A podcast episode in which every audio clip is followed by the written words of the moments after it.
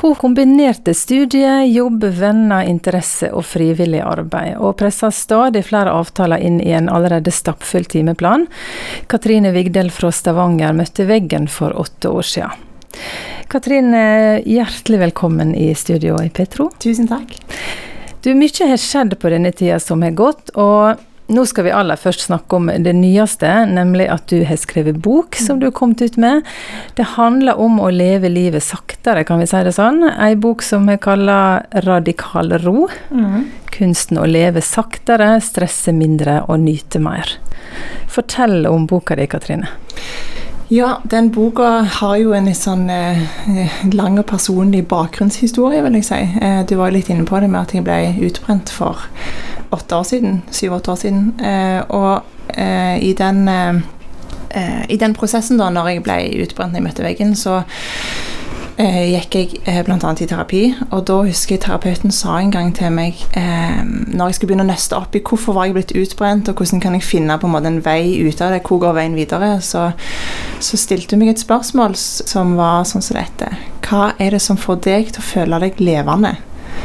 Eh, og jeg innså at det som får meg til å føle meg levende, det som gjør at jeg har det godt, når jeg kjenner at nå er livet godt, det er de dagene når jeg lever saktere. Mm. Altså de rolige dagene. Det er da jeg føler at jeg virkelig lever. Og det ble en sånn grell kontrast til det livet jeg hadde levd i veldig mange år opp, opp mot det.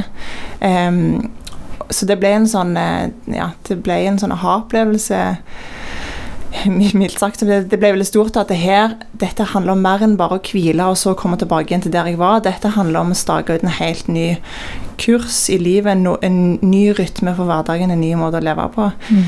Eh, og så gikk jeg inn i en sånn lang prosess der jeg jobba veldig mye med det. Leste masse, lytta meg inn på hva folk hadde å si, som var veldig, sånn, veldig mottagelig for nå trenger jeg bare hjelp, nå trenger jeg å eh, endre kursen totalt. Eh, og har på en måte kommet der jeg har kommet nå, der jeg har, det, jeg har det veldig fint. Føler jeg har funnet en sånn bærekraftig rytme for livet. Det er egentlig det som, er, mm. som jeg snakker mye om.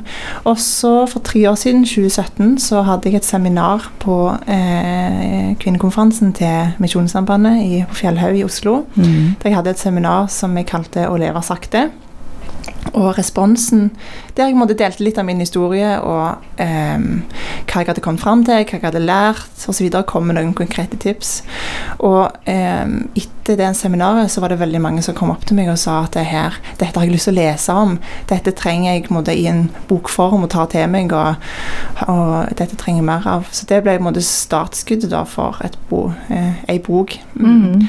Jeg kjente at det her, det som jeg har lært, og de erfaringene jeg har gjort meg, de trenger jeg å dele med andre. Mm. Og nå vet jeg at du har skrevet den boka da, som du sier, over da, tre år. Mm. Og fått to barn i ja. den tida. Hvordan er det da å leve, og liksom skrive en bok om å leve saktere, og, og sånn, og så får du to tette barn? Fortell ja. litt om det. det er jo utgangspunktet et regnestykke som ikke går opp. Ja. Det må jeg jo bare si. Jeg har en fantastisk mann som har eh, hjulpet meg veldig og lagt til rette og hatt eh, nesten mer tro på prosjektet enn det jeg har hatt sjøl. Eh, men det er klart at eh, ja, selv liksom med timingen òg, det var ikke helt planlagt. Samtidig så, så ville jo ville jo ha barn, så sånn sett var det planlagt. Men det har jo vært et sånt paradoks at eh, det er ikke det å skrive bok om å leve sakte er ikke å leve sakte. Det er ganske intenst. Og når en har sett to tette barn til verden på toppen av det, så, det, så har det periodevis vært ganske hektisk. Men jeg tror òg at det, og det skriver jeg en del om i boka òg, at det er et godt eksempel på at det som er målet her, er jo, det som er agendaen min, det er jo det å finne en bærekraftig rytme og finne en ro i den generelle hverdagen. Men det er klart, livet skjer innimellom, og vi mm. vil alle, uansett omstendigheter, så vil vi alle oppleve perioder av livet som er intense, der du ikke lever sakte. Mm. Eh, og det har på en måte vært en sånn periode for meg, spesielt nå de siste månedene, vil jeg si, den mest intense skrivefasen. Og så har ja, jeg er velsigna med barn som sover natta gjennom, det må jeg bare si det er virkelig det er alfa og omega for alle som har små barn og vet, vet hva det går i. Mm. mm. så er det det å få nok søvn er avgjørende. Mm. Jeg syns det er herlig når jeg har sett på Instagram at det, det flyter rundt. men du slapper av og ligger der og kan, kan på en måte ta det inn. Ja, det har vært viktig for meg òg i denne skriveprosessen og nå i sluttfasen, når det har blitt mer en form av en bok. Det har vært viktig for meg å bevare integriteten min òg. At jeg vil ikke at liksom, her framstår jeg som at jeg har alt på stell, og jeg lever sakte mens jeg skriver bok om å leve sakte, og, og ungene mine oppfører seg, og huset er rent og ryddig. At det, mm. eh, på en måte har jeg kjent at liksom, jeg reiser litt bust når folk sier å, du får ut alt du får til. Mm. Og som Du har skrevet bok og gitt ut Nei, ja, du har skrevet bok og, og født to barn, og liksom, dette får du til. Og da, da får jeg nesten lyst til å bare Dere skulle sett hvordan det ser ut hjemme hos oss. Mm. For sånn er det. altså, no, en, en, kan ikke få i pose og sekk. En kan ikke måtte få til alt på alle livets områder. og der er som Livet går i faser, da. Mm. Og selv om jeg er, en, jeg er, en, person som egentlig trives best når det er rent og ryddig um, Jeg liker på en måte å rydde og vaske fordi jeg liker følelsen av å ha det rent og ryddig. Men det har ikke vært mulig i denne fasen nå med å skrive bok. Og det, da har jeg måte, prøvd å gjøre det lett for meg sjøl med å bare akseptere det. At sånn er det i en fase. Og mm. hvile i det. Mm. Og det tror jeg har vært mye av, av løsningen. Ja. ja. Du, jeg tror mange oppdager at uh, det faktisk har vært litt godt nå når kalenderen ble tømt mm. i mars og landet stengte ned. Har du råd og tips til hvordan vi kan uh, holde på roen, selv om hverdagen uh, nå kommer mer og mer til normalen? Mm.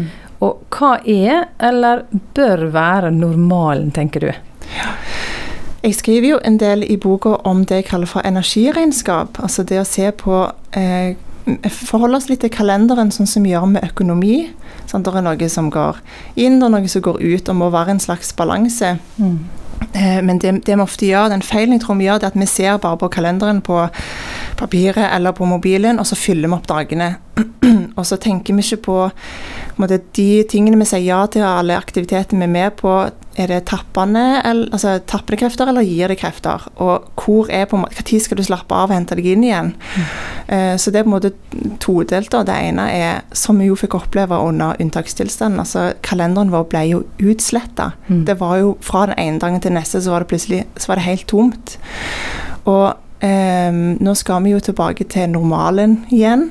Og da er det jo egentlig så dette er en fantastisk mulighet nå til å kanskje redefinere litt hva er normalen. Mm. Var det den hverdagen du hadde til og med 11. mars, var det bærekraftig? Trivdes du i Var det en, en god rytme? Var det eller var det stressende og, og hektisk og egentlig altfor mange ting på timeplanen og altfor få tomme dager? Mm. Så kanskje det med å finne en mellomting, da. Det skriver jeg mye om i boka, dette med planløse dager. Tomme dager. At hvor er mellomtingen mellom koronatilstanden der det absolutt var ingenting på kalenderen, og normalen som var før det, der, var, der det kanskje var altfor mye. Mm.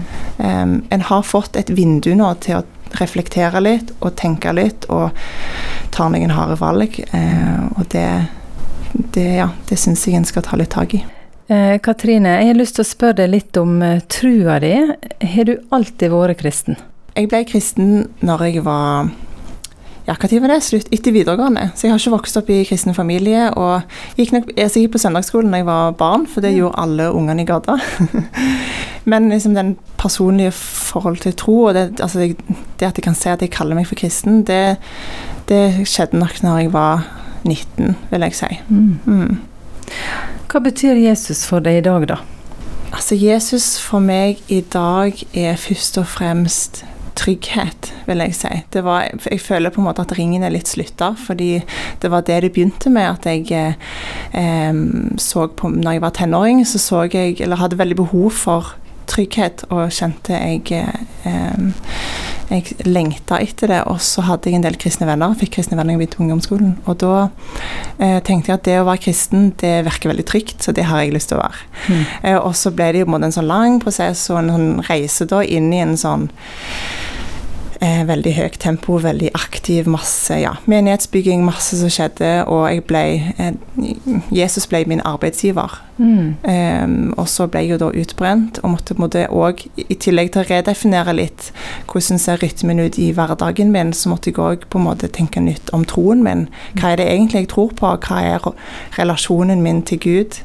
Mm. Så jeg vil si at mer og mer Altså jeg, jeg, Det har vært viktig for meg mer og mer å kjenne på den ærefrykten for Gud. At Gud er faktisk større. Og når en leser i Bibelen om, om hva Jesus gjorde, og mm. istedenfor for det er det jeg fort en, en går i den fella, tenker jeg, da, at en får liksom dette med 'what would Jesus do'? At en ser hva gjorde Jesus, hva skal jeg gjøre? Men heller bare stoppe litt opp med se hva faktisk hva, hva gjorde Jesus, hvem var han, og hvem er han for meg i dag? Og la nesten sånn la han få skinne. La mm. han få være ledestjerne, eller være den som jeg har ærefrykt for, og som jeg måte, blir litt slått i bakken av, istedenfor å være så fokusert på hva kan jeg gjøre for han. Mm. Og så tror jeg at um, når jeg, måte, ja, jeg finner veldig hvile i den relasjonen. La Gud være Gud, rett og slett. Mm. Og da tror jeg at det er noe i det da som, som rett og slett blir attraktivt. Mm. Um, jeg tror det er veldig mange i dag som først og fremst trenger å hvile i troen, ikke praktisere den og dele den, mm. først og fremst.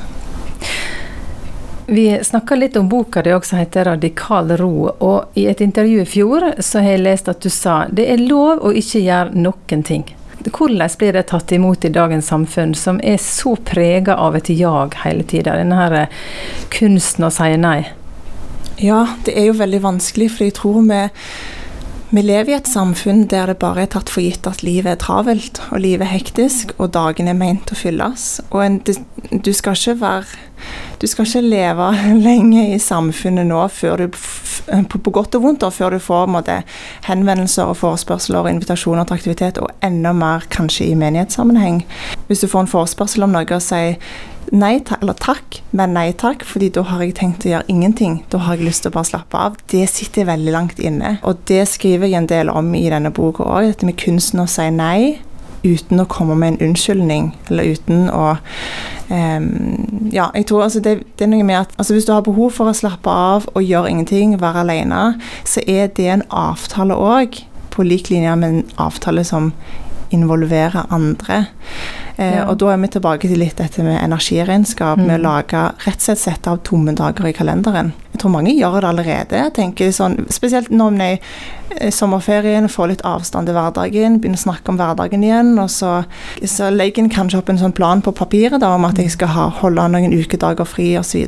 Men så kommer det punktet der en møter f.eks. når en møter andres engasjement og iver kombinert med en sånn 'Du er så god på dette. Kanskje du, kanskje du gjør det?' Eller 'Jeg har så lyst til å ha deg med på dette. Hva sier du til det?' Og hvis den forespørselen da kommer på en dag da du egentlig hadde tenkt å holde åpen, så er det jo kjempevanskelig å si nei. Men jeg tror det er helt avgjørende for å kunne ha det godt med oss sjøl, og for å kunne leve roligere hvis det er det en ønsker. Dette med, Du sa at du hadde Jesus som arbeidsgiver, sa du tidligere. Mm eh, vi i kristne miljø òg er prega av mye av det samme. At en føler at nå må jeg bidra. Se, hun mm. eller han klarer det, og det må jeg òg klare. Ja, Det som er kinkig med det, er jo at vi har misjonsbefalingen. Og så er det noe med hvordan veldig mange menigheter er bygd opp. At det er fokus på vekst.